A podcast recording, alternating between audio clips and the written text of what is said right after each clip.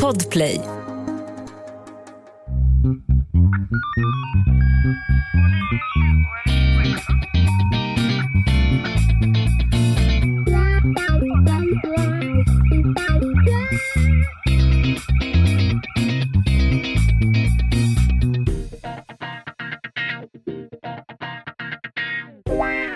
Välkomna till krimpoddarnas krimpodd Över min döda kropp.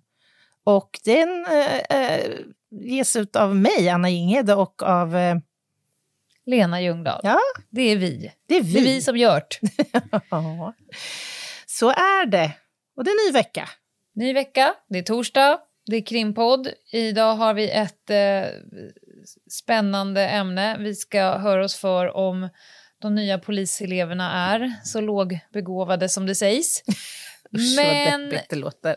Ja, men vi ska väl avhandla kanske festernas fest innan. Ska vi det? Alltså om det här är krimpoddarnas krimpodd så var vi på festernas fest i fredags. Det måste man ändå säga.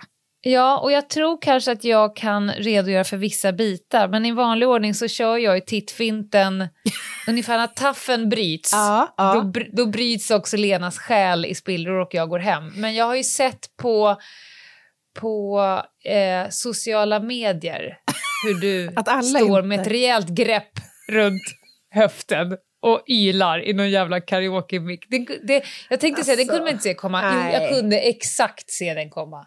Alltså, Jag, kunde, jag hade jag- fått tillbaka noll kronor på det tipset. Jag är ju ingen karaoke-queen alltså. Det har jag aldrig Nej, varit. men Jag du- hatar egentligen karaoke. Ja, men du mumsar ju i dig fester med alla. Ja, Liksom. Du ju... slickar tallriken innan du går hem. Ja, men så här, när det är uppsluppen stämning och stämningen är hög och god och det är trevligt och roligt och när det är så här, man vill aldrig att det ska riktigt ta slut. Då. Nu lät ju du lite som din eh, idol.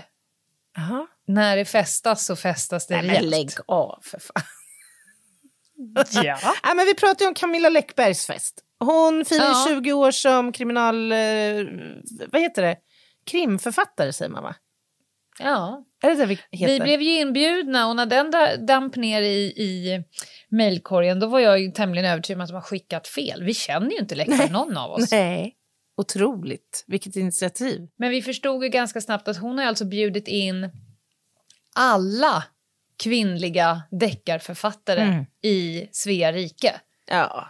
Nej, men alltså. och bjuckat dem på en ordentlig baluns med trerättersmiddag och goda viner och överraskningar och Ja, men det var liksom- sådär. Det var, Inramningen, det var lokalen, det var generositeten, det var så fina tal. Camilla var helt fantastisk, både sitt tal och hela hennes appearance tyckte jag. Alltså, wow. Tack Camilla jag, var, Läckberg. jag var faktiskt tvungen att skriva det på mina sociala medier eh, dagen efter. Jag känner ju inte Camilla Läckberg. Nej, jag inte jag heller. ingenting om Camilla Läckberg. Jag har, jag har exponerats för henne vid ett tillfälle i RL och det var på Mm. Legos lekland för 400 år sedan när hennes äldsta barn var eh, pyttesmå ungefär. Mm. Eh, men det var spännande att få lära känna en person genom andras ögon. Jag Mm, känner henne fortfarande fint. inte. Hon stod ju och hälsade oss alla välkomna och kramade om oss och, och sådär Mm. när vi kom. Men i övrigt så hade vi, man ju, hon hade ju rätt många att, flanera med. Men säga. att lära känna en person genom andras ögon och via människor som man känner. Mm. Alltså, den, jag känner den här personen och hon tycker så här. Det tyckte jag var spännande. Och det bara framgick ju väldigt tydligt att Camilla Läckberg är en extremt eh, bjussig, jag tror att det sades i alla tal, Mm. att hon är extremt bjussig och generös. Och det är f- är inte så svårt att förstå med tanke på att vi var där tillsammans med hundratals personer. Kul! Nej, fantastiskt roligt. Vad missade jag? Som gick hem 23.30. Eh, nej, men det var ju eh, dans, va? Och sen var det Mm. ju häng i karaokerummet. Det var drag Ja. där, vill jag lova. ja. Karo, eh, Karo Greenwalker, hon eh, sjöng ju skiten ur karaokeanläggningen och sen körde hon mic- en mic drop och drog hem ungefär. Typ så. Ja. Guns N' Roses. Vad tog du för låt då? Var det Arne Kvick med rosen? Nej, det var ju Charlie, alltså Camillas son, som så gärna ville sjunga karaoke. Ja. Ja, han ville ju sjunga Dancing Queen och det skulle ju visa sig bli kvällens sista låt. Och då ville ju Camilla vara med och då tyckte jag, men då ska ju du och Charlie sjunga. Nej, nej, nej, nej, nej. Hon ville så gärna sjunga och eh, Kelda Stagg ville ju vara med också. Eh, var ju med där. Så att, eh, ja, det var Ja. jädra drag. Det var drag. Det var drag. Men du, Kul! Och jag måste bara säga att jag hade ju ett drama vid mitt bord. Ja, men just det är ju en gammal regel att det som händer på fest stannar det, på fest. Just det. Och därför så är jag nu ett svin som sa, men jag satt med den imaginära popcornskålen och bara vräkte i mig själslig popcorn medan det pågick ett sånt drama. Ja. Så det var ju värt Det ska sägas också att du live-rapporterade ju, så ja, att säga. till dig. Ja, det gjorde du. Ja, Jag följde också detta med stort intresse. ja. Nåväl, Ja. hörni. Nu är det så att vi eh, efter pausen lite senare så kommer ni att få lyssna på en superspännande person som också är lärare på polisutbildningen. Men vi har väl någon form av ingress på ämnet? Ja, men det är klart vi har det. Och att vi väljer att göra ett avsnitt om polisutbildningen, jag menar, temat har ju, varit, eh, har ju kommit upp tidigare vid många tillfällen. Mhm. Men det är ju Absolut. att vi får ju väldigt många frågor om polisutbildningen av allsköns eh, karaktär. Och vi har ju också förstått att det, det finns ju, det florerar en del rykten och osanningar och förutfattade meningar om både polisstudenters varande och icke-varande. Eh, man Mhm. en, blir man en sämre polis om man pluggar på distans än på skola? Eh, kan jag bli polis eh, trots att jag är nybliven mamma? Alltså det, det är så väldigt eh, mycket frågor Ja. och tankar och laddade aspekter på temat. Så vi tyckte vi Ja, tar oss an det. Vi tar oss an det och för er som inte vill bli polis, skiter i hur man blir polis och inte kunde bry er mindre om antagning och rekrytering. Ni kommer få ut jättemycket av intervjun kan jag säga. Ja. För vi var, pratar väldigt lite om just det, det där, uh, hur ska jag göra att bli polis, utan mer kanske komplexiteten i Mm. yrket. Vi pratar också om saker som att är det farligare i samhället nu än 91 och sånt där. Mm. Så att, häng in där säger vi. Hang Eh, in there. Mm. Men jag skulle ändå vilja ta tillfället att och göra en liten recap, bara för att sätta liksom ämnet i kontext. För att detta med polisutbildningen är ju en ganska het potatis, både liksom på den politiska agendan och internt i kåren och eh, i samhället i, i stort. Det är en, liksom en kontroversiell fråga lite grann. Den, den avhandlas. Och detta beror ju dels på polisbristen och den närmast panikartade reaktion som, som den har skapat i, i form av att vi måste utbilda fler människor till poliser nu. Och vi måste anställa fler vid myndigheten som inte är poliser. Det känns ju gång efter annan som super, super smart att Polishögskolan var stängd då jag skulle söka Polishögskolan.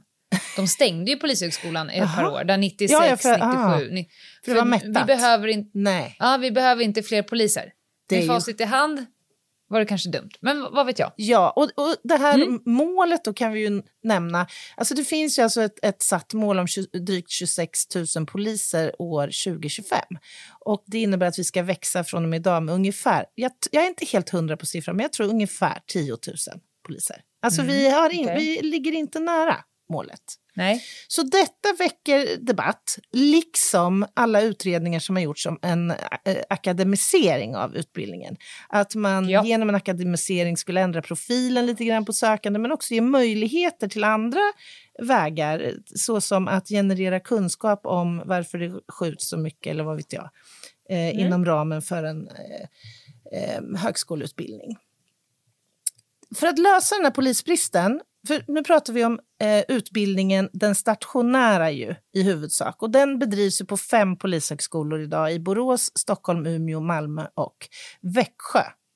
Men utöver eh, utbildningen man får där, som ju är fyra terminer på skolan eller förvisso på distans och sen en termins aspirantutbildning så finns det idag då ett gäng olika snabbspår till polis. Mm. Och det har ju också väckt en hel del, inte minst intern debatt. Det ska vi inte alls fördjupa oss i nu. Eh, men jag bara Nej. nämner det att det är också lite kontroversiellt. Eh, Vissa s- behöver ta studielån och gå eh, utbildning på, i Sörentorp till exempel, eller Södertörn. Och andra Mm. får betald utbildning eh, och är, har redan eh, fått en anställning i, i verket. Mm. Så det är lite så här. Det är så olika. Det är så olika. Distansutbildningen vill jag slå ett slag för. Jag är ju själv gammal distansare och nu kan man göra den faktiskt till och med på deltid. Eh, och detta är Mhm. ytterligare ett sätt att eh, möjliggöra för människor att bli polis trots att man har kanske komplexa hemmaförhållanden. Sen finns det då några olika varianter. Vi pratar om FPU, den funktionsinriktade polisutbildningen. Och den riktar sig till eh, akademiker i första hand och där du har redan en anställning inom polisen så att du söker en civil anställning och sen blir du nominerad av en chef eller motsvarande att gå eh, FPU-utbildningen. Mm. Eh, och du får samma, eh, samma utbildning men eh, på ett och ett halvt år. Och det sker främst på distans. Eh, och sen finns det, det finns flera olika varianter av den här FPU ska nämnas. Du kan också eh, rekryteras eller nomineras externt ifrån. Det kanske finns en person på Länsstyrelsen som man tror skulle bli en jättebra polis. Då kan den nomineras och få gå ett snabbspår. Och man kan ju fundera då på, liksom, innebär det här att man tummar nu lite grann på risken eller vad ska jag säga, att, att kvaliteten eller kompetensen skulle variera beroende på vilket utbildningsspår man går? Kan du bli lika duktig polis på ett och ett halvt år anställd i myndigheten inom en viss funktion så som du går liksom den långa på skola? Ja, det kan man ju fråga. Det finns ingen forskning på det här. Det är ingen som kan ge ett, ett, ett bra svar. Men det som jag tycker är viktigt att få sagt det är ju att oavsett vilket spår in i verksamheten du tar så ställs det exakt samma krav på dig oavsett du läser distans på deltid eller FPU eller på en av skolorna. Och det är ju vad som, vad som föreskrivs i polislagen i andra paragrafen. Mm. Du ska förbereda studenten så att den, hen kan förebygga, förhindra och upptäcka brottslig verksamhet och andra störningar av den allmänna ordningen eller säkerheten, övervaka den allmänna ordningen och säkerheten, utreda och beivra brott, lämna allmänheten skydd, upplysningar och annan hjälp och fullgöra den verksamhet som ankommer på Polismyndigheten enligt särskilda eh, bestämmelser. Och med det sagt så förstår man ju, wow, vad mycket man ska lära sig för att kunna komma ut i ett polisliv och känna sig redo och tackla Det det, som möter där ute. Ja, det är mycket som ska pressas in på en tämligen ganska kort eh, tid. Ja, Jag ska ju om ett tag, i november tror jag, så ska jag ner till Pliktverket som håller på med rek rekryteringarna. Mm. Eh, och göra en gärningsmannaprofil på den, den, den perfekta polisen. Så det blir ganska kul. ja, det ser man ju fram emot Ja, att få lära mer. Eh, ja, men det- det, jag återkommer till det. Eh, och eh, jag kommer ta med mig mycket från det som sägs i intervjun som ni ska höra på efter pausen. För att där pratar vi om vad är det för egenskaper som den perfekta polisen ska besitta. Ja, och det här är en kanonintervju kan jag lova, så uh, hang in där. Ett poddtips från Podplay. I fallen jag aldrig glömmer djupdyker Hasse Aro i arbetet bakom några av Sveriges mest uppseendeväckande brottsutredningar. Går vi in med hemlig telefonavlyssning och, och då upplever vi att vi får en total förändring av hans beteende. Vad är det som händer nu? Vem är det som läcker? Och så säger han att jag är kriminell, jag har varit kriminell i hela mitt liv men att mörda ett barn, där går min gräns. Nya säsongen av Fallen jag aldrig glömmer på Podplay. Välkomna tillbaka till krimpoddarnas krimpodd Över min döda kropp. Och nu sitter jag, Lena, återigen i studion hos Podplay. Vår fantastiska Oliver sitter bakom spakarna. Och framför mig har jag en ny person att intervjua som sitter under en neonskylt. Det börjar bli riktigt mysigt i det här rummet, Oliver. Podplay står för huvudet på dig. Och du heter Johan och är polislärare på Södertörns högskola. Det stämmer. Välkommen till podden. Tackar, tackar. Vi går way back du och jag, hörru. Ja, jag skulle ju nästan säga att jag kanske har lärt dig någonting. Det tror jag. Det är jag ganska säker på. Ja, Jag kom till polisstationen i Skärholmen på två tämligen vingliga ben. Ja, Ja, skinn på näsan redan då, absolut. men lite så att säga spända skinkor. Mm, Ja. Som man har som Jo, men ny. det är väl, eh, det hör väl till. det hör till. Ja. Det var år 02. Ja, Ja. Det är ju jättelänge sedan. Det är 21 år sedan. Oj, ja. Och då kom jag till en eh, polisstation. Mm, närpolisstation, som Mhm, det hette på den tiden, men där det också fanns utryckningsverksamhet som Absolut. numera heter IGV. ja. Alltså, alla dessa, ja. ja, Jo, men vi är världsmästare på förkortningar Ja. faktiskt. ja. Om och omorganisationer. Ja, Ja. Men dit kom jag, det var en, en polisstation, det fanns utredare, det fanns en reception där man kunde gå in och, och anmäla eh, brott. Det vanligaste att folk kom in till, nu när jag tänker efter, till polisstation Skärholmen, det var väl att någon hade stulit deras bil i P-husgaraget medan de handlade. ja, det där blev ju en liten sån eh, eh, betting eh, händelse. Ja. Man, man eh, slog vad Ja, med, inte, inte de som sa att de hade förlorat bilen, men sinsemellan. ja med Ulla i Ja, repan. det, ja, och det brukade ta kanske ett till två varv och sen så hade vi hittat Ja, det var bilen. väldigt sällan den var stulen. Ja. Det var bara ett stort garage. Ja, ja, ja. Men det fanns alla sorter där och du var där. Eh, och eh, var en, jag ska säga en typisk polis. Ja, Ja, vi ska komma till det, vad det är sen. ja precis. Ja, för nu är du på polisutbildningen. Ja, Ja, sen drygt ett år tillbaka så har jag min fasta plats på Södertörns högskola på eh, polisutbildningen. och vad har du gjort? Vad har du haft för andra platser mellan 02 och polisutbildningen? Så man vet liksom vad du står på nu när vi ska lyssna på din enorma erfarenhet och kunskap och ödmjukhet. Oj, oj, oj. oj. Ja. Ja, men från 02, då var jag nog så, som jag då säger, radiobilspolis. Mm. Eh, I dagsläget IGV då. Sen så 04 så började jag tillsammans med några kollegor i Skärholmen faktiskt. Eh, så hade vi en, det började som en personrånsgrupp eftersom vi hade extremt Ja. mycket personrån på den tiden. Det var minst ett om dagen. Mm. Och så höll jag på med det i eh, några år, fram till 07 tror jag. Mm. Och sen så fick jag ett erbjudande om att bli heltidsutbildare och hålla på med fortbildning eh, för poliser. Eh, och då kallades det för bastaktik. Just det. Grunden i alla grunder. Eh, och sedan så blev det även särskild polistaktik. Och det är de poliserna som man då ser vid olika evenemang, fotboll. Det som kallas Den för måste. SPT. Precis. Ja. Bastaktiken ändå. Ja, Den gick jag Ja. på, på Tullinge Ja. tillsammans med Jale som är rätt mycket i, i ropet nu, nowadays. ja. Ja. Eh, Mentalt, kommunikativt och taktiskt förhållningssätt.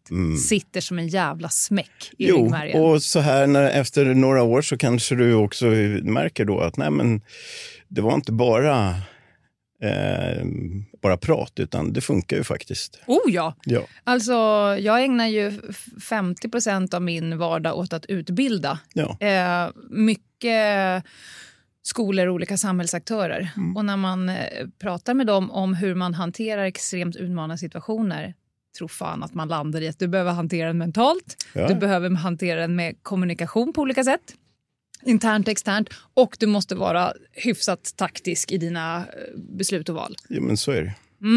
Okej, så du har utbildat väldigt mycket internt inom polisen i många år? Ja, men fortbildning har jag Mm. väl hållit på med sen Alltså några år efter det att jag blev klar och då hade vi ju fortfarande turlag i vår polisorganisation. Och då skulle man ha egna instruktörer i turerna så att man var något Ja, men var, självförsörjande. inte, var inte du min vapeninstruktör? Det var jag ja, just också. det. Och, Du har lärt mig skjuta också. ja, och kanske mm, slåss. Eller det, det säger jag inte. Jag säger själv, självförsvar. Ja, Så säger ja. jag. Ja. Ja. Eh, det började jag faktiskt med. Ja. Eh, så självskyddsinstruktör och sen så blev det vapeninstruktör och sen så blev jag lite intresserad av taktiken Mm. och sen även de, de mjuka frågorna som du sa alldeles nyss med det mentala och kommunikativa. Ja, men alltså, man, kan inte, man kan inte ha det ena utan det andra. Nej. Om vi ska ta det första begreppet som slängs lite med, för du har sagt bastaktik, du har sagt särskild polistaktik. Om jag slänger in begreppet polkon, Mm. som är en grej framförallt tror jag för poliseleverna, studenterna från början. Ja. Eller polisgrejs i Mojs. Ja. Ja, vad är polkon för någonting? Eh, jag skulle säga att Polcon är... Det är väl grund... Eh, grundarbetet för, eller grundtaktiken för en, en, en polis. Mm. Det är ju den polisiära konflikthanteringen. Eh. Mm. eh, eller den kommunikativa eh, hanteringen. Vi utgår ju från att vi ska använda så lite våld som möjligt. Mm. Och det här, det är ju en, en, en början så att säga. Jag skulle säga att Polcon tog över lite efter man, ja, man kanske förfinade bastaktiken lite. Mm. Eh, mycket av metoderna är ju de samma som är, är sen bastaktiken. Är det därför svensk polis kallas lite barbapappa om man ser till poliser runt om i världen? Alltså, den här metoden dom till oss till Mm. exempel. Alltså att vi ska, vi, polisen, nu säger jag vi som är polis, men polismyndigheten Mm. har bestämt sig för att vi ska inte eh, hoppa upp på våldstrappan och dra med oss folk upp. Så, men, men vi är beredda att hoppa upp om den andra så att säga inte ger oss något val. Mm. Är det en filosofi man har? Filosofin och grunden är ju, kan vi lösa situationer utan fysiskt våld Mm. så, så ska vi ju göra det. Sen, eh, För det står det ju i lag. Alltså, Ja. Vi har ju gått igenom polislagens åttonde Ja. paragraf i den här podden. Alltså, Ja. Man ska inte använda mer våld än vad som behövs. Och Det ska Nej. vara proportionerligt och rimligt och hänsynsfullt och så vidare. och sen om, om den svenska polisen blir kallad barbapappa, Ja. då jag, jag känner väl så här, men, det är ju en komplimang. Exakt. Alltså, se flexibiliteten hos barbapappa. Mm. Alltså han kan bli vad han vill. Exakt. Så att eh, eh, jag säger tack. Han har gått många bastaktiska utbildningar, Barbapappa. Ja, ja, ja. jo, men så är det. Eh, sen så kanske vi inte vill ha andra länders eh, tillvägagångssätt när de löser eh, situationer där det finns hundratusentals klipp på, Mm. på nätet där det främsta verktyget eh, är någon typ av vapen. Mm. Eh, och man löser allting med någon typ av, inte Ja. extremt våld, men alltid snäppet mera våld än, än, än det man möts av. Då. Och ibland så kanske man inte ens behöver använda våld. Nej, det är som att de har bytt ut Polkon till Dunder och brak-kursen. Ja, jo men så, det var, var väl ett bra... Cover me, I'm going in. ja. Ja. Okej, när gick du själv polisutbildningen? Det känns som igår. Ja. Mm. Men tydligen så är det hyfsat länge sedan då. Eftersom många av mina studenter inte ens var födda då.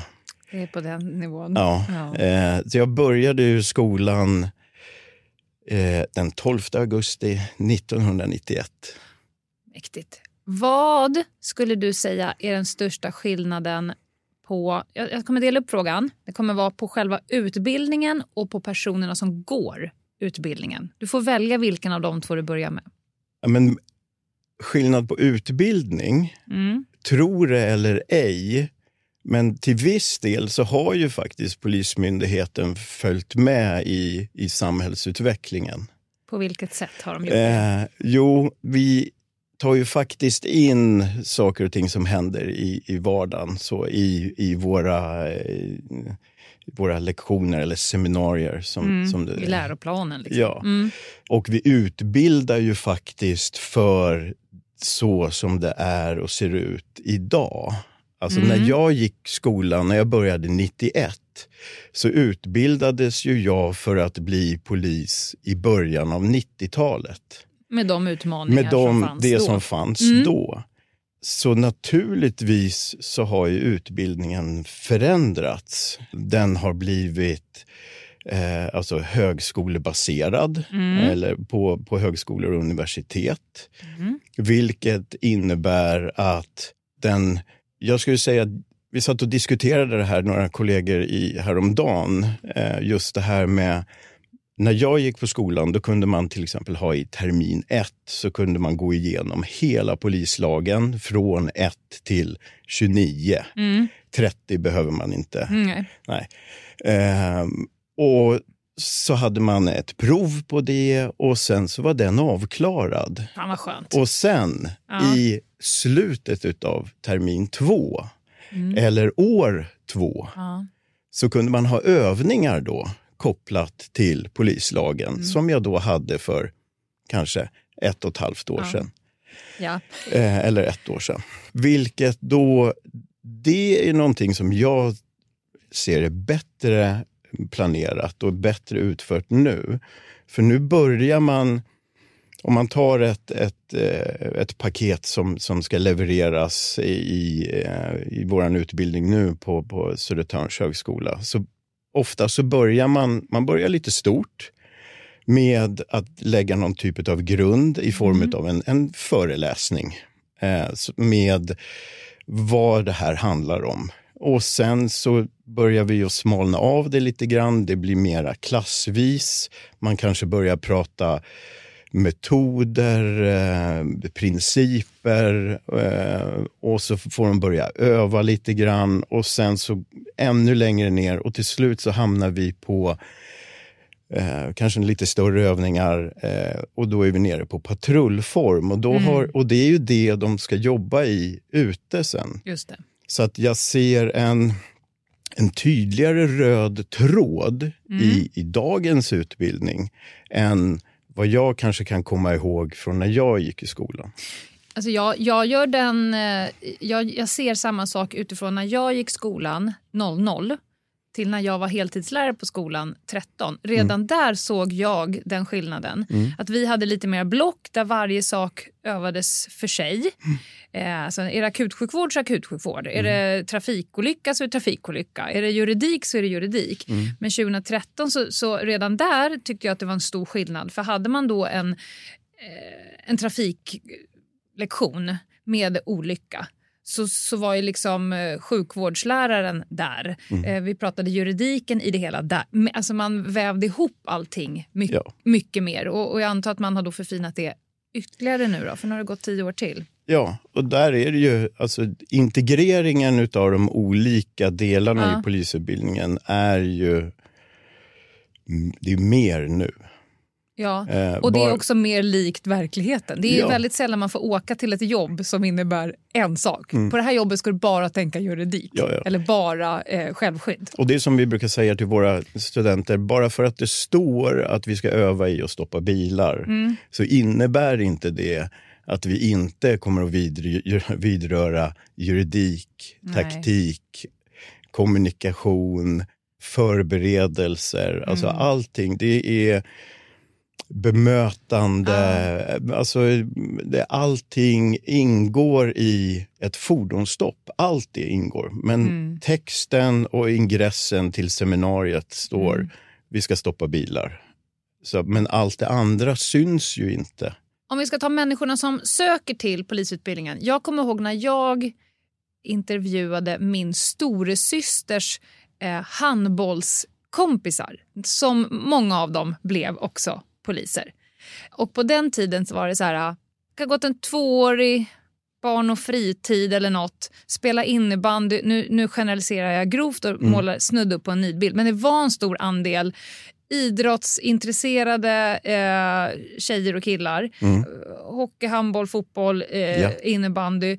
Eh, killarna hade också gjort något jävligt ballt inom lumpen. Fallskärmshoppare, jägare, Ja, ja. skid, eh, någonting. Och sen rätt in på polisutbildningen Mm. i ganska ung ålder. De som var mina yttre befäl, fan, de började på polisutbildningen 25 minuter efter att de var födda ungefär.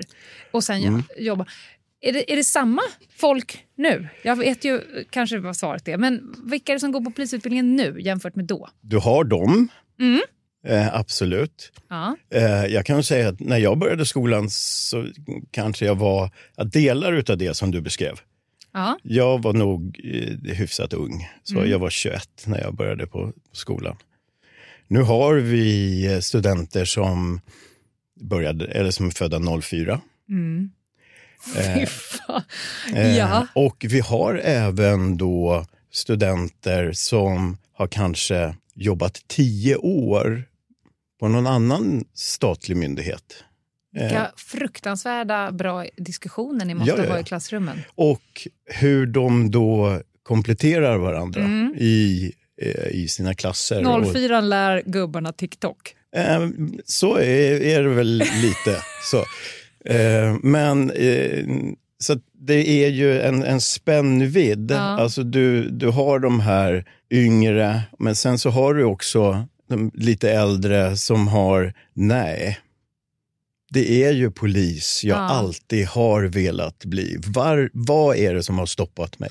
Och jag är så trött på mitt eh, jobb där Mm. jag märker att jag gör ingen som helst skillnad. För det är en jävligt vanlig grej. Jag måste få göra någon förbannad skillnad. Ja. Efter Och, att ha jobbat som layoutare i 16 år. jo, nej, men, och där är det, vi har studenter som, som börjar nu, som har haft alltså, chefspositioner, eh, som då ger sig in i det här. Och med vetskapen om att under x antal år nu så kommer jag vara längst Ja. ner Hur- på stegen. Hur, hur, när jag började då var det lite så här äh, aspirant, rävjävel, sitt bak i bussen och håll Mm. käften bara för fan, för nu åker vi. Jag har svårt att se att de nya, oavsett om du har jobbat som chef i tio år, men också de, den nya tidens ungdomar, Mm. eh, generationerna som kommer nu, köper de det? Eller är det ens är det borta? Finns en vi- jag ser vitsen i att sitta still, hålla käften och bara supa in det som pågår en stund. Jag tror att vi har alla sorter. Ja. Det är ju ändå, det är ändå en yrkesutbildning vi pratar om. Mm. Eh, det är ett yrke vi ska lära oss. Att då inte ta lärdom och då de bästa bitarna ifrån eh, då kollegor som har hållit på med det här en längre stund. Mm. Det är ju bara det är dumt att inte göra. Ja, det är korkat. Eh, utan om man tror, och det gör de inte. Eh, för de har samma skakiga ben och eh, så ihopknipt rumpa som när du kom ut. eh, för det, det är nervöst. så. Eh, men det är, det är andra, andra förutsättningar. Det är andra, det är andra personer. Alltså, det har ju också förändrats sen mm, jag på vi Ja. gick, eh, Ja. gick skolan. Men Jag tror Jag- att de är lite mer otåliga. ja, Jag hörde någon, någon sån här siffra att man eh, ett och ett halvt år i, på IGV, mm. sen så, nej men det här, nu kan jag det här. ja, så snittåldern för konstaplarna som åker ute känns ju ja, alltså inte snittålder i hur gamla de är utan hur länge de har jobbat. Den känns ju väldigt låg.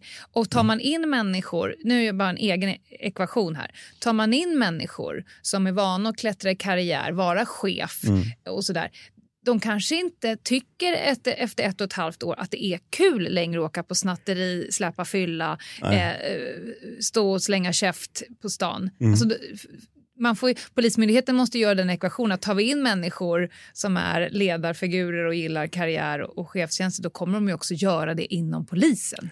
Ja, ja. Nej, men det... Jag höll på att säga, det, det är väl jag då som var lite så dum i huvudet och stannade i tio år. Då, Men ska man inte ungefär. ta in fler såna som du då, tänker jag? Eh, du, vad är det, det handlar ju om vad vi vill ha där Ja. ute. Eh, det är ju ändå Polismyndigheten som, som gör någon typ av beställning. Ja, såklart. Eh, nu tycker jag ju mig börja höra att det är ju poliser ute som syns, som vi behöver. Ja. Och då säger jag, ja, det, Ja. det ska vi hålla Det på rimligt. med. Ja.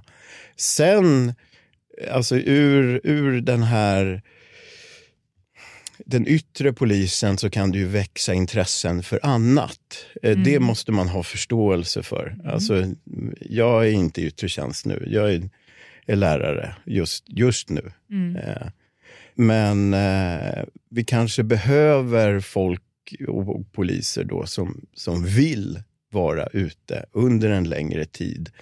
Att bli supersäkra.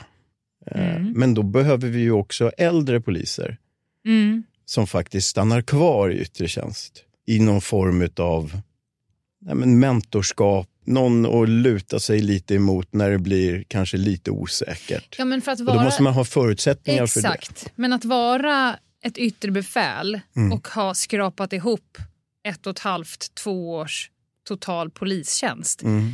Det, då kan jag tycka att det är nog fel. Det måste ju finnas någon med lite mera erfarenhet. Alltså, Mm. var är alla? Ja, Ja, eh, jag, jag, ja.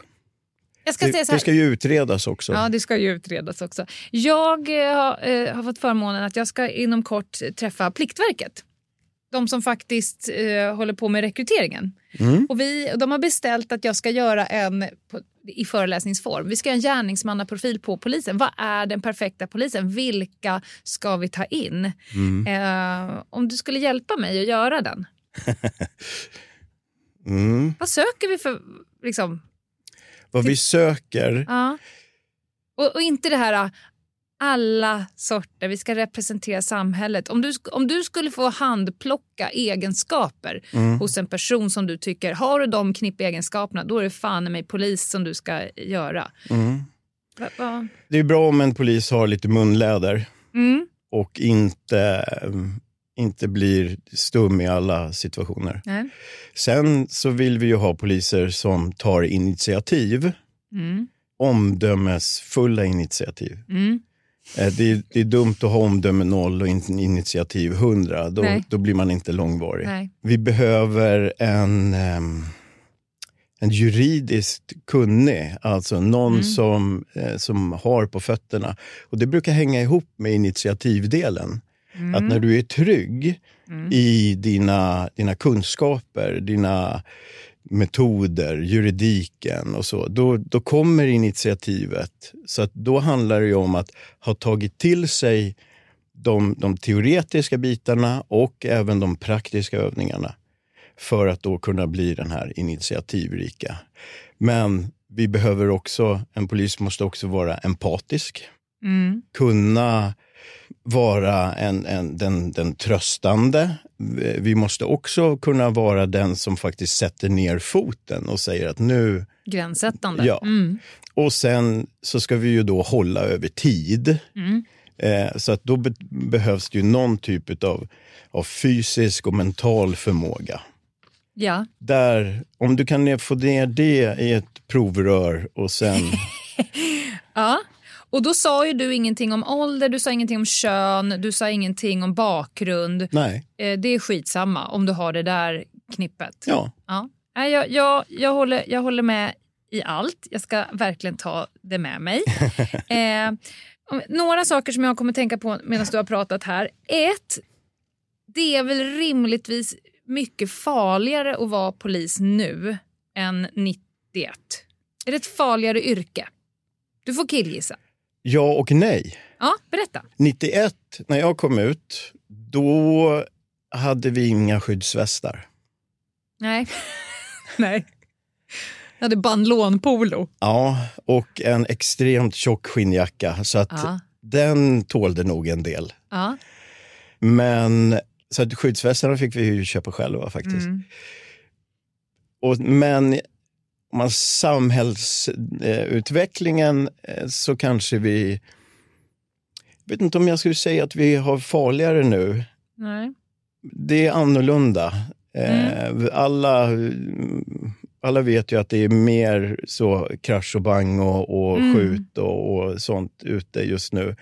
Och det är ju det som poliser kan mötas utav. Och det blir ju naturligtvis farligare än de här stökisarna som man hade på, på 90-talet. Så jag tänker utifrån min kontext som har jobbat som spanare, då jobbar man ju företrädesvis ensam. Mm. Eh, man, man sitter i sin bil och står i konstiga portar eh, och sådär. Eh, det skulle jag vilja hävda är farligare nu. Inte för att någon mer är ute efter just mig, Mm. men de här, om vi ser till gängen, de är ju livrädda. För, det, det värsta som kan hända är att de tror att jag Ja, ja, ja. är en knasvakt, är ditskickad. Så att jag skulle som spanare säg, för tio år sedan kunna sitta mer tryggt på en parkering eller hänga i en port och så vidare och känna jag kommer inte bli konfronterad, jag kommer inte bli misstagen för någonting, jag kommer inte bli sprängd, skjuten av misstag utan folk kommer, det värsta som kan hända är att de inser att jag är polis och jag tittar på dem och att de då får kalla fötter och, skäggar iväg. Eh, men, men, men det tror jag Ja, men bara utifrån spaningsyrket att eh, reflektera över att eh, du kan bli misstagen för annan och det är nu livsfarligt. Det var ju det även 91 såklart när mc-gängen bråkade med varandra. Ja, fast då var väl, ja. Jo men det kan jag nog, det kan jag hålla med om. Eh, det, är ju, det, det kan ju vara så att det, det värsta är inte att polisen knackar på. Nej, Nej, nej. utan... Det är Eh, att det är motståndarlaget som knackar ja, på. Mm. och, men om jag då tror att det är motståndarlaget som knackar på så tar jag inga, inga risker Nej. utan då tömmer jag det här magasinet Ja. genom ytterdörren. Ehm, du sa 04. Alltså att, att det finns människor som är födda 04 som börjar polisutbildningen nu. Jag var 23 när jag började på polisutbildningen. Eh, jag tyckte att jag hade my shit fucking together där. Sett lite retroperspektiv så kan jag tycka som 46-åring att det var lite tid. Och då var jag ändå färdigutbildad lärare. Jag hade en högskoleutbildning klar. Bodde, hade inte bott hemma på många år, skött mig själv, klippt mig och skaffat jobb och så vidare. Jag tycker ändå att det var liksom snudd på i underkant. Eh, vi har ju ett barn som gärna vill bli polis och vi säger det du får göra annat ett tag. Bli absolut polis, men du kliver inte in på polisutbildningen när du knappt har snytit dig själv. Liksom. Va- eh, Är det sunt att ta in så unga? För deras skull. Jag fattar att Polismyndigheten behöver all, all kanonmat de behöver. Men är det sunt? Jag, jag vet inte om, om, om jag rätt person? om jag, kan, nej men precis, om jag kan svara på det. För det jag har att förhålla mig till, det är ju det att den här personen har ju klarat prövningen. Eh, hur han sen, Eller hon? eller hon, Mm. kommer att bli som polis. Det kan ju Det- bli en fantastisk polis. såklart. Absolut. Men kommer den bli en bättre polis för att den började när den var under 20 än om den hade också jobbat, rest, flyttat hemifrån, kört Mm. bil några år till? Det är liksom det som jag undrar lite grann. Om jag går till mig själv, så Ja. när jag, jag började skolan som 21-åring, innan dess så hade jag ju faktiskt gjort ganska mycket. Alltså börjat hyfsat tidigt att jobba, alltså sommarjobba alltså kontinuerligt. Så att man, och hållit på med idrott och gått i skola och, Ja. och sådär. Ehm, vilket ger, det ger ju livserfarenhet. Det, man interagerar med, med andra människor. Eh, jobbade i livsmedelsbutik och eh, förskola och Ja. dagis och sånt där. Det var poppis då eh, för killar. Så. Ja, då Och det- visar du att du var också lite mjuk. Ja, Ja. och så fick man fördelar utav det. Men, men det är ett mjuk. annat avsnitt. Men faktiskt när jag började på skolan, när jag hade gått en termin, så ehm, eh, sa jag till min klassföreståndare att nej, jag tror inte att det här är någonting för mig. Mhm. Alltså jag är, jag var typ yngst i, i klassen. Alla, Mm. Jag tyckte alla var äldre. Så att jag sa, nej men alltså det här, det, det kommer Mm. inte att gå. Och då, en klok eh, så människa. Han sa, nej men vet du, gör ett år, så har du ändå gjort ett år. Så. Mm. En, ett helt läsår. så. Och sen så utvärderar du. Och sen så får vi se hur, hur du tänker då. Mm. Och på den vägen är det. Mm. Du slutade inte. Nej. Så att jag, oavsett hur ung man är så, och hur mycket erfarenhet man har, sen så är det ju hur mycket hur mycket kan vi leverera på skolan Såklart. för att då... eh, För alla som börjar på, på, på utbildningen har ju en bild av hur en polis är. Mm. Eh, och den kanske inte stämmer överens riktigt med den bilden. Och då blir det Ja, men många, eller många ska jag inte säga, men några de bara, nej det här är inte för Nej, mig. det var inte vad jag trodde. Nej. Och det är väl naturligt. Ja. Jag har en brinnande fråga innan vi ska gå in, för jag har fått in massa lyssnarfrågor. Ja.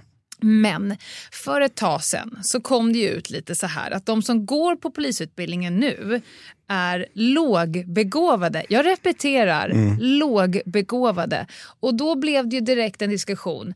Okej, nu ska polisen och politikerna se till att det bara sprutar ut poliser så man ska kunna säga att vi nådde upp i det här. Nu tar de in vad fan som helst. Ett, är de lågbegåvade gå- som går på skolan? Och två, tar, de, tar Polismyndigheten eh, utbildningarna in vad fan som helst nu? Jag höll på att säga att det där, det är bara dumheter.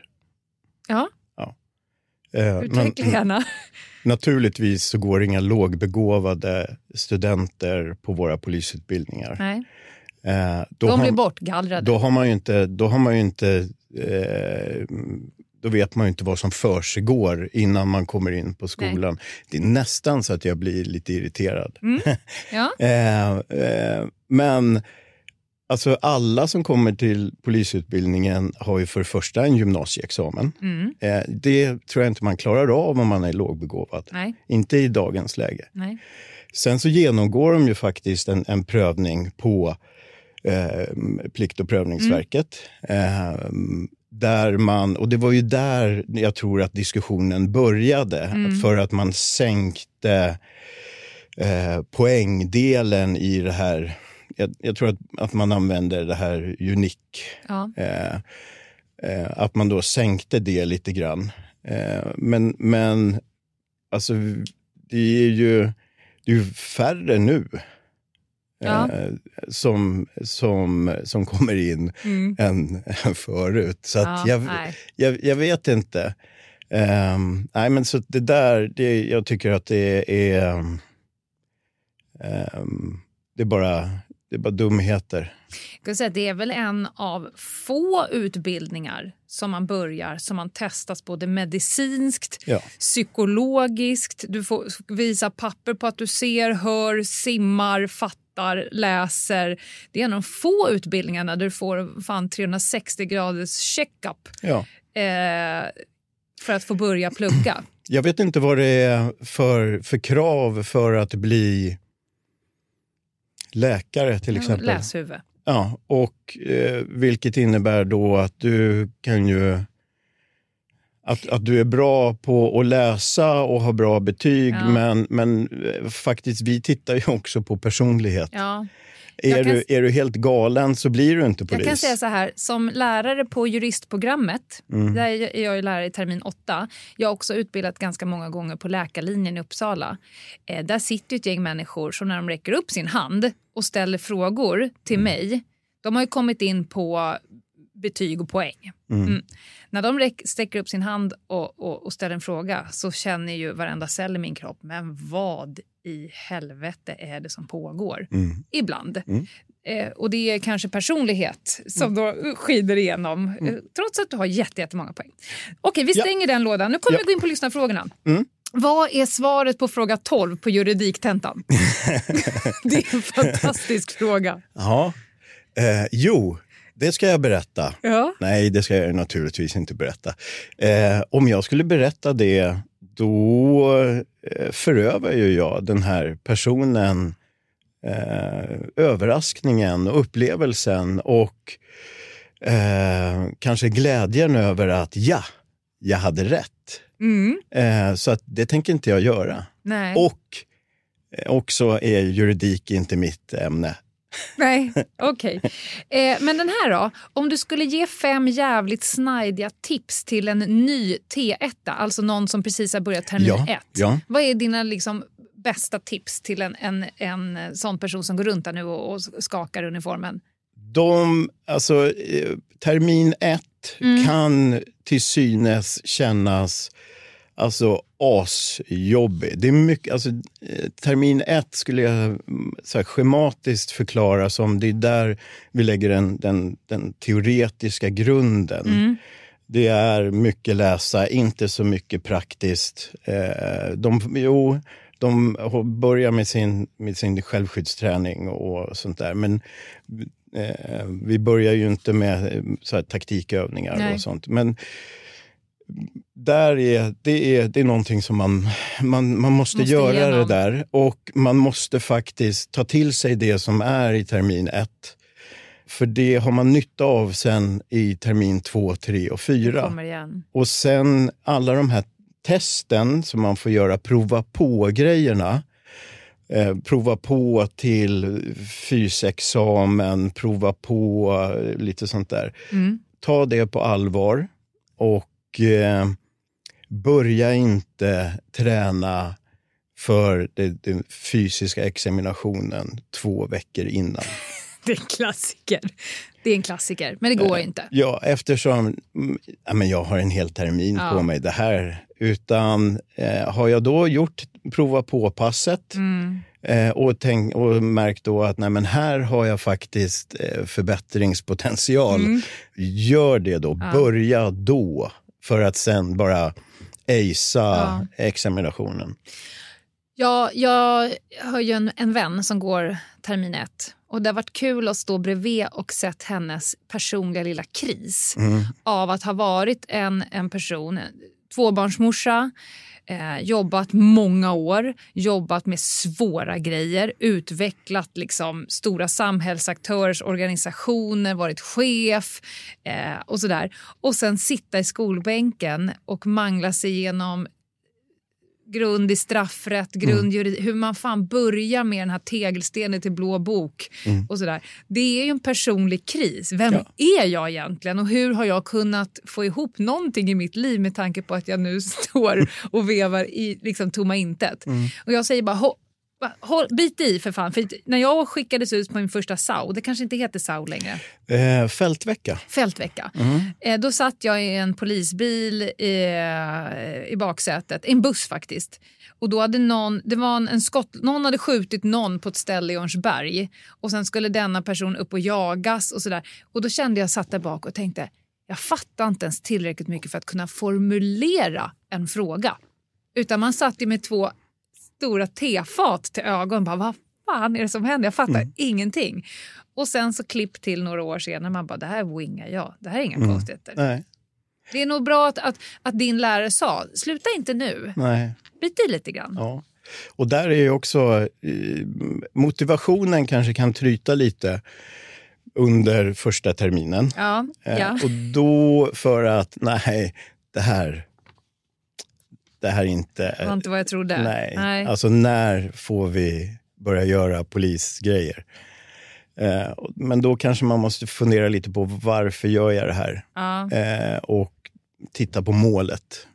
Alltså Ja. det är ju dit jag vill. Det är ju här, ut här. Det är ju, ju polis jag vill. Ja, men då är det Då här. är det här. Det här, det här är ett hinder, eh, någonting som vi... Jag måste hantera det här för att ta mig vidare. Och ska vi vara rent krass, vad är polisgrejer? Det är ju till stor del att skriva juridiska Mm. rapporter som ska hålla eh, syn i en domstol. Det är ju inte bara vara ute och svänga batong på stadens torg. Väldigt lite faktiskt. Ja, men det är det. Men, men det är ju de...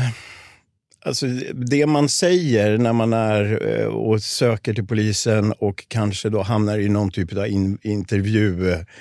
Eh, att man, eh, ja, men jag gillar att, att träffa människor, hjälpa folk, eh, vara en stabil person i, i, stormen. Och jag har stort förtroende bland mina kamrater och sånt där. Ehm, så kanske det är också. Eh, men att bli polis, då kanske man är lite ute efter det här blåljuset, tutandet. ehm, Men det kan man väl så. också få vara? Ja, ja, ja. Jo. Alltså om, jag skulle, om någon skulle säga så här, vad saknar du som mest från dina år inom polisen? Ja. Eh, då skulle jag säga några av personerna.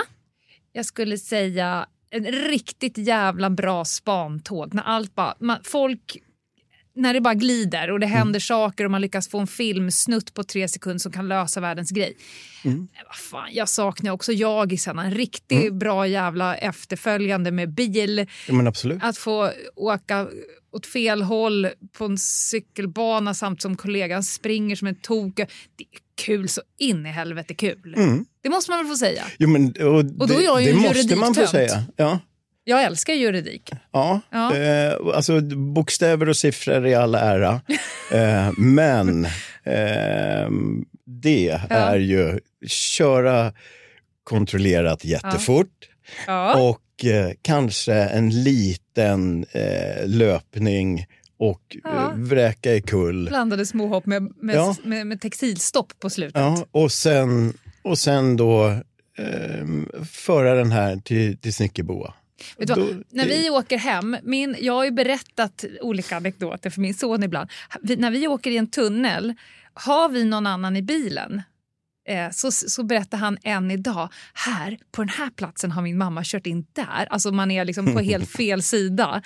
Och kört om massa bilar och sen har hon tryckt sig in bakom Spanebäck så att hon kom liksom ikapp genom att göra det här. Och jag sitter bara, ja min son.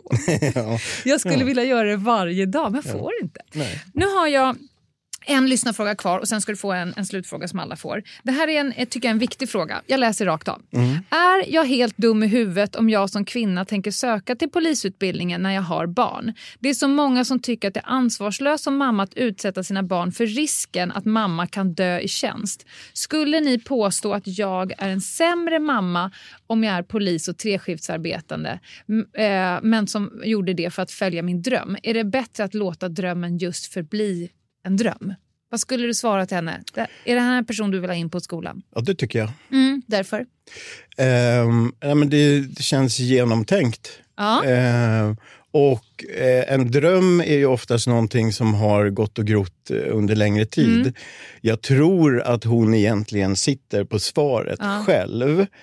Eh, att mm, Jo, men det, det, det är det ju naturligtvis. Eh, hon har ju, tror jag, gått och tänkt för och emot.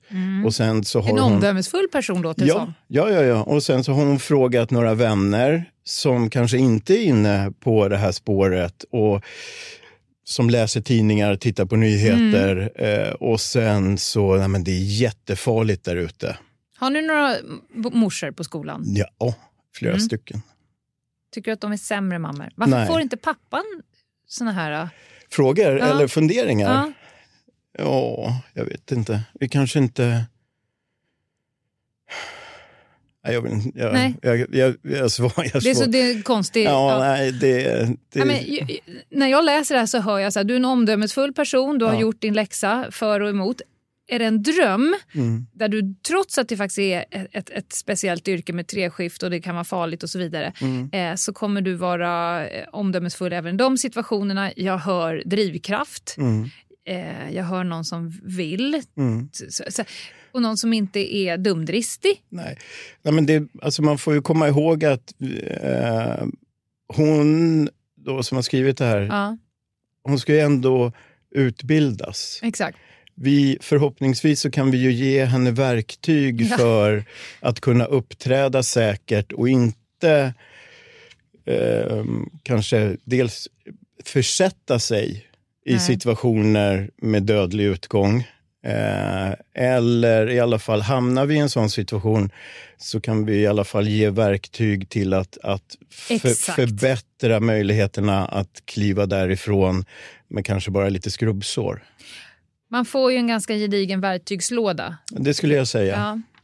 Okej, två eh, kortfrågor. Ja. Om du fick önska vad du ville inom ditt liksom, skrå, inte så här, en ny klocka. Eh, är det någon ny lag, någon ny typ av utbildning? Är det nå- vad säger du till jultomten? Eh, till jultomten säger jag att eh, den nuvarande lagstiftningen som vi har, till exempel när vi, eh, när vi stoppar bilar, Mm.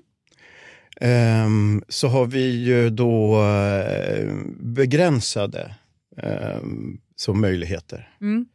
Eh, utökade möjligheter vid kontroll av fordon, förare och passagerare skulle jag vilja ha. Om jag säger PL20A? Eh, ja, Eh, då säger jag att den är begränsad. Ja, inte Eh, tillräcklig. Nej, den Nej. är inte tillräcklig. Ehm, för den skulle jag säga mm, syftar lite på, på polislagens 19 Mm. paragraf. Eh, och det som är eh, kärnan i, i PL19 är ju faktiskt det här förverkandet Just inom 36.3. Söka efter saker som kan Ja. förverkas och, Och tas det, bort. ja, och det är, skulle jag säga är förlegat. Ja. Eh, för vi letar inte efter eh, Knogjärn och... knogjärn och hemgjorda så Mad. Max-verktyg. utan eh, det är annat. Så. Ja. Därför så måste vi eh, hänga med lite grann Ja. eh, och förnya. Ja, och enligt legalitetsprincipen så måste ju polisen ha laga stöd för det, de åtgärder de gör. Och Ja. de saknas lite Ja. enligt dig. Det är lite för smalt. Ja. Ja. Och ett eh, medskick till våra lyssnare. Vad skulle du vilja skicka med dem? Det är ett allsköns folk. Ja. Och eftersom jag då är lärare Ja. just nu på polisutbildningen Ja. så har ni någon, eller är du själv, Ja. eh, som den här eh, kvinnan med, med drömmen. Men ta steget då. Vad, vad, kan, vad är det värsta som kan hända? Mm. Eh, det är ingenting för mig.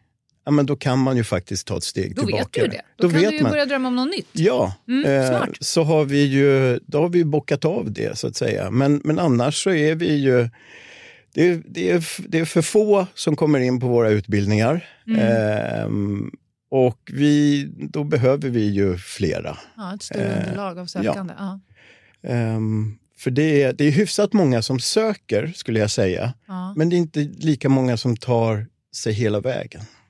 Nej, det diskuterade jag med kommunikationsavdelningen och de som håller på med återrekrytering och rekrytering och så vidare. De sa att det är många som söker, men det är inte tillräckligt många rätt som Nej. söker. Nej.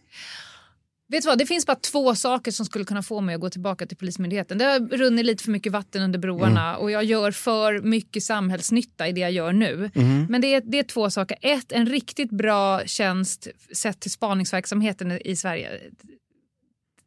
Tåget har gått för att sätta en spaningsfordon. Mm. Men att, att jobba med spaningsverksamheten. Det andra är utbildning. Alltså utbilda liksom. Mm. Det är ju, du måste ju ha ett av världens roligaste jobb inom polisen. Jo, men det är det ju. Ja. Eh, och det är även ett utav de, de svåraste jag har haft. Ja. Eftersom jag ändå har hållit på så pass länge innan Mm. jag blev Ja. lärare så har ju jag mm, tagit åt mig lite så här eh, tokiga saker som man, Ja. som man gör. Ja. Eh, vilket har gjort att jag har ju fått börja om. Ja. Jag har ju fått gå tillbaka till grunden. Och sen så har jag ju då i grunden lagt in min erfarenhet av att vara polis i, i några år. Då. Eh, så det, och det har ju varit... ehm, Det är det man vill höra som student. Berätta vad som funkar och vad som inte funkar. Ja, och det gör vi ju inte så här, Nej. Vad tror du själv? Nej, det har ni slutat. Så var det när jag gick på skolan. Varje, varje fråga man frågade fick man svaret Vad tror du själv? Mm. Skjut mig i järnbarken. jag vet inte. Ja. Nej. Nej, men så är det. Det, det, är, ja, det är jätteroligt, eh, det är utmanande eh, och det är eh, hyfsat svårt ibland, skulle jag Mm. säga. Tack snälla Johan för att du kom till podden och sp- spred din visdom. Och vi är tillbaka efter pausen. Tack. Tack. Ett poddtips från Podplay. I fallen jag aldrig glömmer djupdyker Hasse Aro i arbetet bakom några av Sveriges mest uppseendeväckande brottsutredningar. Går vi in med hemlig telefonavlyssning och, och då upplever vi att vi får en total förändring av hans beteende. Vad är det som händer nu? Vem är det som läcker? Och så säger han att jag är kriminell, jag har varit kriminell i hela mitt liv men att mörda ett barn, där går min gräns. Nya säsongen av Fallen jag aldrig glömmer på Podplay. Välkomna tillbaka. Ni lyssnar på krimpoddarnas krimpodd Över min döda kropp. Och eh, Lena, du har hunnit från eh, studion och eh, intervjun. Bra jobbat! Tackar, tackar. Ja, men eh, jag gjorde den här för några dagar sedan och sen dess har jag lyssnat på den ett varv. Jag tycker att han är en otroligt bra representant, inte bara för att jag själv haft att göra med honom i evigheter, men han är om man nu ska trycka in massa saker på fem terminer i polisers huvuden, blivande polisens huvuden och få dem så förberedda som man kan bli. Resten mm. kommer liksom med timmar och dygn och nätter eh, jobbmässigt. Så tycker jag att eh, han är rätt person. Jag skulle vilja säga en sak om det här med, med artikeln eller ranten om att det är liksom de som går på skolan är mm. lågbegåvade och sådär. Eh, och att det, att, att det går människor på skolan som man undrar egentligen eh, hur, hur fan kom de in? Liksom och på alla utbildningar skulle jag vilja hävda. Exakt. Det är väl alltid lite fel rekrytering får man väl ändå säga. Ja. Och då skulle jag vilja säga till de gamla poliserna, de som kanske sitter och muttrar, eh, det var bättre förr och på min tid. ja. Jag som ändå varit inom rättsväsendet sedan millenniumskiftet, eh, har ju haft ett par eh, kollegor mm. längs med åren. Mm. Ett par chefer längs med året. Du lika så. Mm. Det är inte alla som har varit bra. Nej.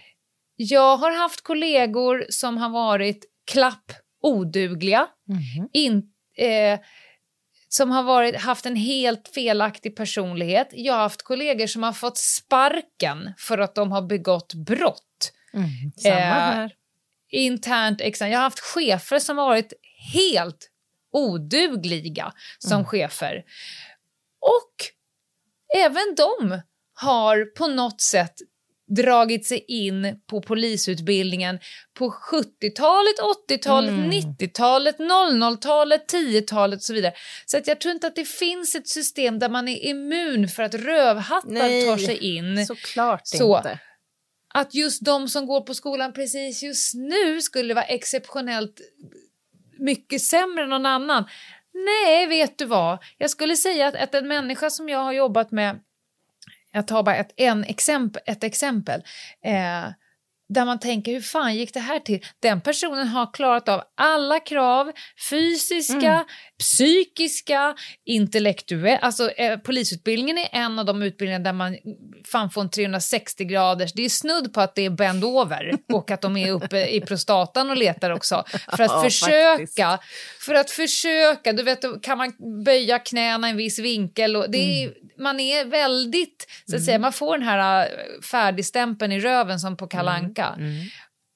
Och, och eh, liksom de formella kraven med betyg och så. Även de lyckas ta sig in mm. och har läshuvud nog att, att, att lä Det är ganska svåra prov, mm. juridiska och så vidare. Men det är inte immun för att du är en bra och vettig människa som ska hålla på med polisyrket och då brukar det, det brukar bli lite självsanering längs med vägen. Ja, verkligen. Så det är inte, jag, jag skulle säga det finns exempel från alla årtionden med människor som inte borde ha blivit poliser. Ja, definitivt. Och de går på skolan även idag. Ja, ja det gör de. Mm -mm. Mm. Ja.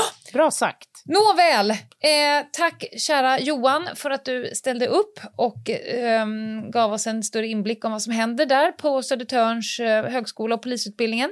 Mm. Och nu stänger vi lådan för idag. Mm. För att du ska komma med en jätte, jätteviktig lista. Ja. Och innan dess ska vi komma med någon form av samhällsinformation. Idag, när ni lyssnar på det här, så är vi på Nyhetsmorgon.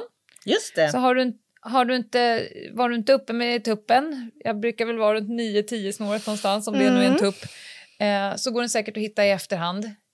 Mm. Säkert. Och i övrigt så leder vi er till eh, Instagram. Där händer det som händer. Mm. I helgen har vi vårt sista krimquiz live-gig eh, på Steam. Ja. Och det är, det är slutsålt, men vi får extremt mycket frågor. Varför kommer ni inte till Jönköping? Mm. Varför kommer ni inte till Säffle? Varför kommer ni inte till Kiruna? Därför att vi har haft ett samarbete med S-Groups hotellkedja och de, vi har varit i de städerna där de hotellen mm. finns. Mm. Mm. Och blir vi inbjudna någon annanstans så ska vi verkligen ta och avgöra om vi har lust att åka. Det kommer vi definitivt ja. göra. Ja. Det var det. Det var nu, det. Anna. Nu, nu kommer den. Annas jätte, jätteviktiga lista. Annas jätte, jätteviktiga lista. Ja, Lena, jag sitter ju nu, jag befinner mig ju en, i en period med mer eller mindre konstant äh, ångest ju. Och, och... Men den har ju varit konstant sedan du föddes. Vad är skillnaden? ja, men nu skulle jag vilja säga att den är exceptionell. Aha, den är fortfarande mm. också obehandlad. Det, det kan... Okay. det kan kanske späda på lite grann. Ibland mm. känner jag stark lust för medicament, så att säga. Men, mm -hmm. men, men än så länge så håller jag det i schack. Det här beror ju på att jag befinner mig i en fas av mitt avhandlingsarbete eh, som, som eh, gör min tillvaro ganska mycket mer komprometterad än, än i vanliga fall. Så att säga. Och nu så var det två händelser här eh, sistkomna vecka som fick mig att, att bestämma mig för detta ämne som vi har varit inne och touchat lite tidigare. Mm -hmm. Jag sitter och skriver etikansökningar. Och det ska mm. gudarna veta låter sig inte göras eh, med annat än att eh, det skapar frustration, ångest, eh, tårar och sömnlöshet. Därför ja. att det är så många aspekter av detta som måste tas i beaktande. Och det är ju en bra sak, såklart. Ja. Och när jag skulle då skriva en svensk projektplan så stötte jag på en artikel som var allt annat än etiskt godkänd. Som gjordes någon gång på 40-talet och där man ville studera effekterna av stryp, eh, strypande våld mot halsen. Genom ja, ska vi in i stryp Nej, igen? bara tillfälligtvis. Där man då lät eh, ja, frivilliga, frivilliga inom citationstecken, det vill säga fångar, schizofrena och, och eh, ja. liksom andra, få en, om du tänker som en, en, en muff, eller vad säger man, kuff kanske heter, en, som en krage runt halsen. Som du mm. då pressar in ett antal kilo eh, luft i. Så att det sakta, sakta mm. stryper dig och så studerade mm. man då effekterna av denna eh, syrebrist som uppkom. Och syftet med att göra detta på 40-talet det var eh, att kunna ta fram uniformer till piloter som utsätts för kanske 8-10 G. Eh, så här, för, förstå när får man en loss of consciousness, så att säga.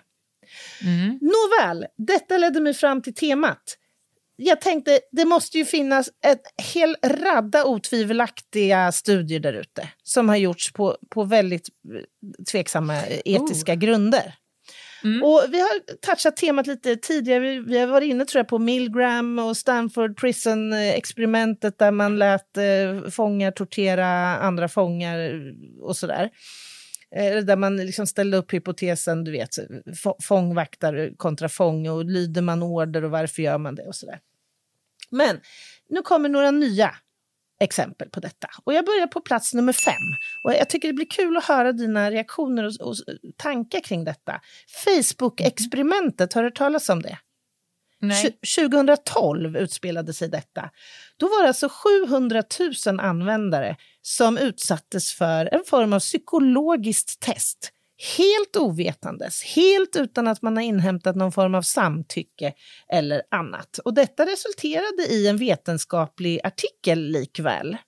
Trots att man inte hade inhämtat samtycke eller övervägt de etiska aspekterna av detta.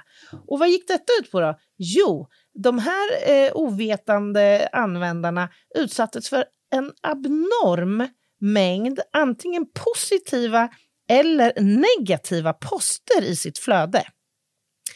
Och sen mm -hmm. så följde man de här 700 000 människorna för att se hur förändrade det här deras beteende i sociala medier?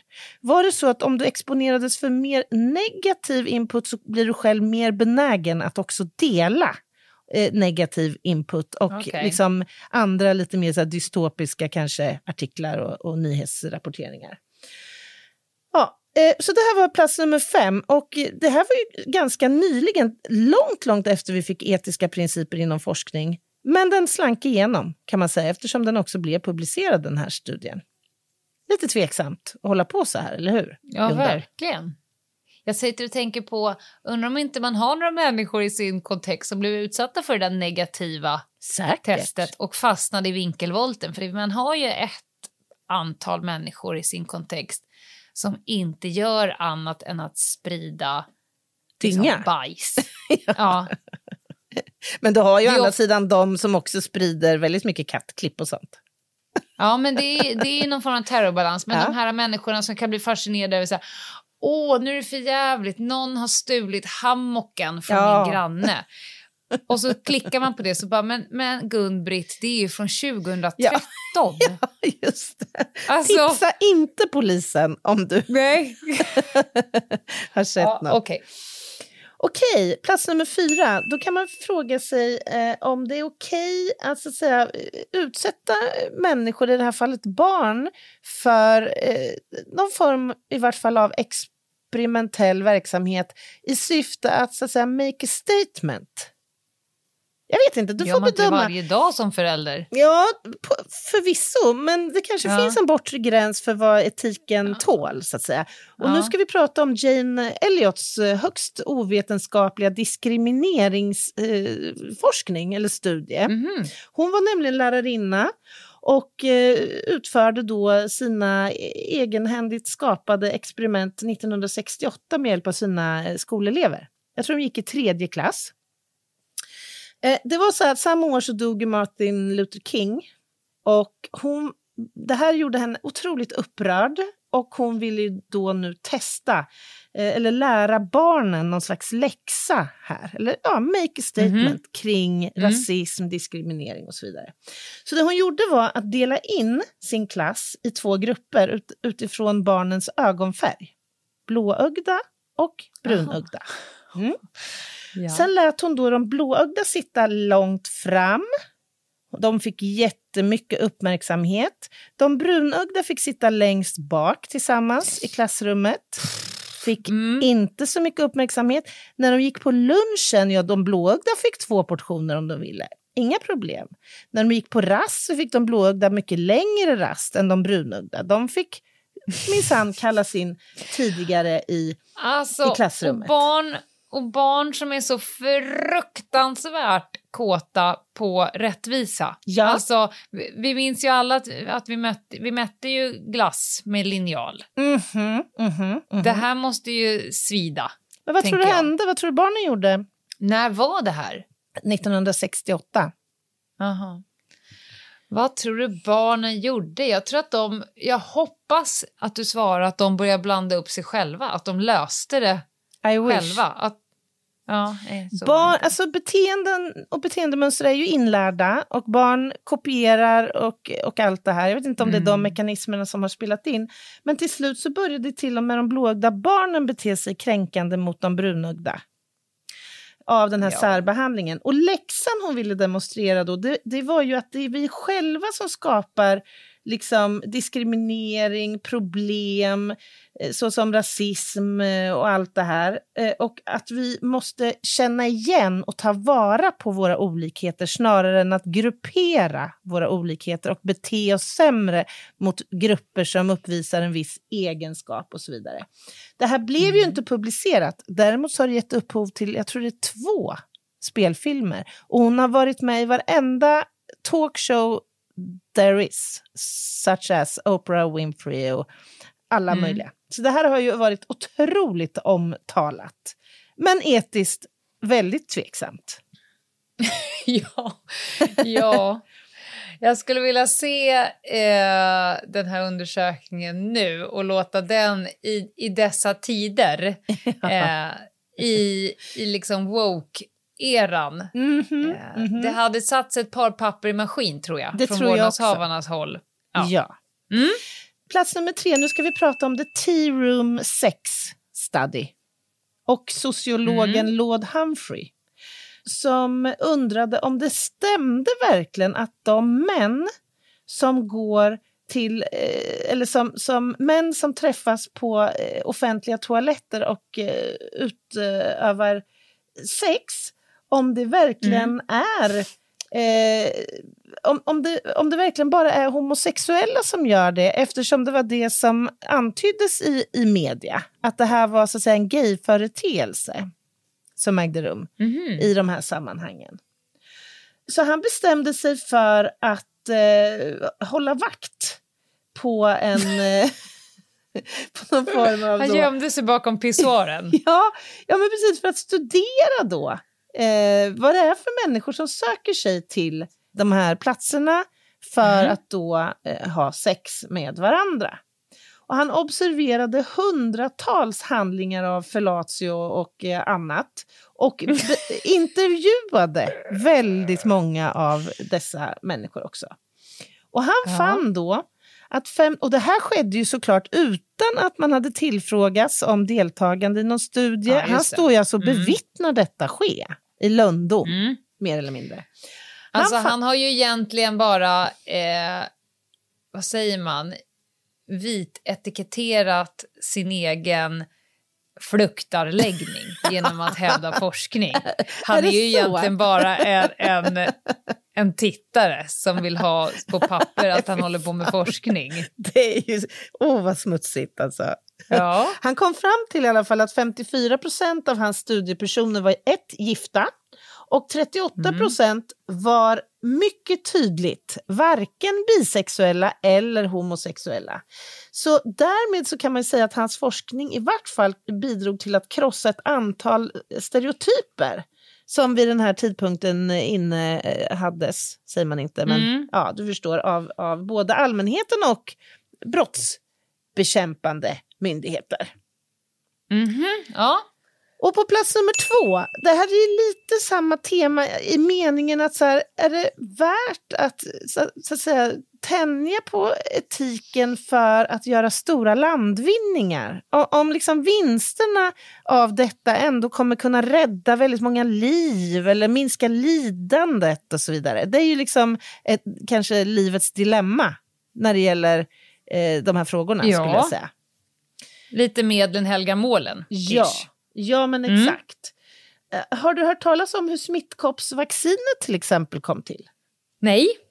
Alltså, i, I slutet på 1700-talet så hade ju smittkoppsutbrotten en enorm dödlighet, och framförallt hos barn. Kanske upp till 30-40 procent i vissa eh, städer och sådär. Så folk dog på löpande band av, av detta. Och eh, nu ska vi bekanta oss med den brittiska landsortsläkaren Edward eh, Jenner som var verksam mellan 1749 och 1823 som hade observerat intressanta saker här. Han, han hade noterat att det fanns, eh, alltså det uppkom bölder till följd av att man hade exponerats för ko, eh, koppor. Och de här bölderna eh, påminde om dem som man då vid den här tiden började förstå var smittkoppor. Eh, men man förstod inte riktigt hur kom det sig att så många mjölkors, mjölkerskor Eh, smittades av eh, detta. Eh, dels det, men också vad var det som gjorde att de som hade smittats av kokoppor inte lyckades bli smittade av smittkoppor? För, för mm -hmm. det mhm. var en, en iakttagelse han gjorde. Då fick han, han, fick han en idé då. Och det, det, här skulle aldrig kunna ske såklart idag. Där han lät eh, en liten frisk pojke bli injicerad med smittämne Men. från en kokoppsmittad mjölkerska. Ja. Ja, och eh, pojken utvecklade ju feber och eh, eh sjukdom och fick kokoppor. Och en tid senare så smittades han med smittkoppsböld. Så han utsattes två gånger för påtvingade ingrepp, skulle man kunna sammanfatta fan vad fult. Ja. ja, det är ju fult. Men han var helt opåverkad av detta andra tilltag. Han blev inte sjukare han, och han utvecklade inte Nej. nya bölder. Och det här var ju då för, föregångaren till eh, det som sen blev ett eh, smittkoppsvaccin. Som för övrigt då, vacka betyder ju ko på latin. Vaccin mm. alltså. Det kommer av Jenners upptäckt, mm så han fick liksom ändå cred för det. Trots att han var ett svin? Trots att han var ju ett otroligt svin. Och det som förvånar mig, jag menar vi behöver ju inte gå så långt bak i tiden, utan det, det räcker ju att vi går kanske 50 år tillbaka i tiden eller 20 år tillbaka och ser studier som inte etiskt håller måtten. Och man funderar på hur kan man vilja utsätta sitt namn på en publikation som är så, så liksom långt ifrån vad vi anser är god forskningssed, så att säga. Fast det var ju lite skillnad på 1700. Jag antar att man hade en, en annan syn på god forskning. Ja, men det hade man ju. Alltså de, den forskningssed vi lutar oss mot idag, den kom ju fram under efterkrigstiden efter vad som skedde i nazistläger och, och annat. Så att det har vi ju. Så är det. Man hade ju svårligen kunnat instifta ett rasbiologiskt institut nu. Exakt. Det, är Det hade inte riktigt. beviljats. Det hade Ja. inte beviljats. Plats nummer ett, då ska vi prata syfilis. Syfe. Ja, äntligen. Som du- Syfab. Syfe. Och det här, nu ska vi tillbaka till 1930-talet. Det här var ju då före liksom, eh, de här koncepten om eh, forskningsetik egentligen föddes. Men nu ska vi alltså få lära känna 600 fattiga analfabeter, män, som användes i ett experiment för att förstå hur syfilis fungerade. Av de här 600 så var det 399 som tidigare hade fått syfilis och eh, de visste inte att det var fråga om en, en eh, farlig och faktiskt eh, livshotande sjukdom. Istället så fick de veta att, att de skulle få gratis vård, begravningsförsäkring och måltider i utbyte mot att delta i den här studien. Eh, Det är och- så utstuderat att det alltid är de liksom Ja, mest lättsnärjda. Det är barnen, det är de utsatta, Ja. fattiga, maktlösa. Ja. Det är de man snärjer för att Ja, och, ja, och, forska borts- för de andra. och bortsett från att ge flera hundra människor eh, syfilis så var det ju också Mm. så att de här spred ju syfilis vidare till sina fruar eh, och barn som föddes med syfilis och faktiskt många gånger dog av det. Bill Clinton han bad i alla fall formellt om ursäkt 1997 till de som drabbades av det som kom att kallas det mest ökända biomedicinska experimentet i eh, USAs historia. Det finns ju många sådana här, Vipeholm, vi behöver inte ens åka från Sverige. Nej, Glöm aldrig Vipeholmsförsöken. Eh. Men återigen, hade inte de gjorts, jag försvarar det inte på något sätt, men det är ett faktum att det var där vi förstod hur kariessjukdomen utvecklas och vad som faktiskt kan motverka den. Hur sjukt den låter. Ja, alltså att, att det kan komma bra saker ur eh, som, som springer ur någonting som har tillkommit på fel väg. Det, det, det är inte så svårt att förstå. Nej. Eh, resultatet borde inte finnas, men nu när det ändå finns, låt oss utnyttja det. Ja, ja men Ja. exakt. Och se till Lite att så. vi inte gör samma misstag igen. Det ska vi inte göra. Mm. Definitivt inte. Ja, det blev lite en allmän, eh, kanske bildande lista idag. Ja. Men likväl jätte, jätteviktig, tycker jag. Jätte, jätteviktig. Mm.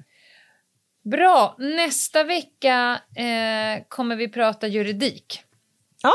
Nästa vecka blir det nog, tror vi, som det känns just nu, som min man brukar säga. Som det känns just nu. Jag är förvånad att han inte svarade det när vi skulle gifta oss. Eh, som det känns just nu så blir det lite hemliga tvångsmedel och annat veckan. Men det kan smyga Göttigt. in någonting annat emellan. Vi Ja. får se. Det får vi se. Mm. Tills dess, ta hand om er. Det gör ni verkligen rätt i. Bye, bye! Bye!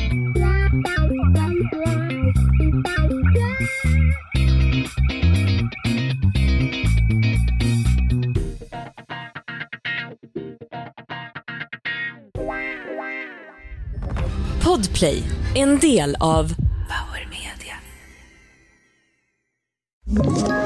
Ett poddtips från Podplay. I fallen jag aldrig glömmer djupdyker Hasse Aro i arbetet bakom några av Sveriges mest uppseendeväckande brottsutredningar. Går vi in med hemlig telefonavlyssning och, och då upplever vi att vi får en total förändring av hans beteende. Vad är det som händer nu? Vem är det som läcker? Och så säger han att jag är kriminell, jag har varit kriminell i hela mitt liv men att mörda ett barn, där går min gräns. Nya säsongen av Fallen jag aldrig glömmer på Podplay.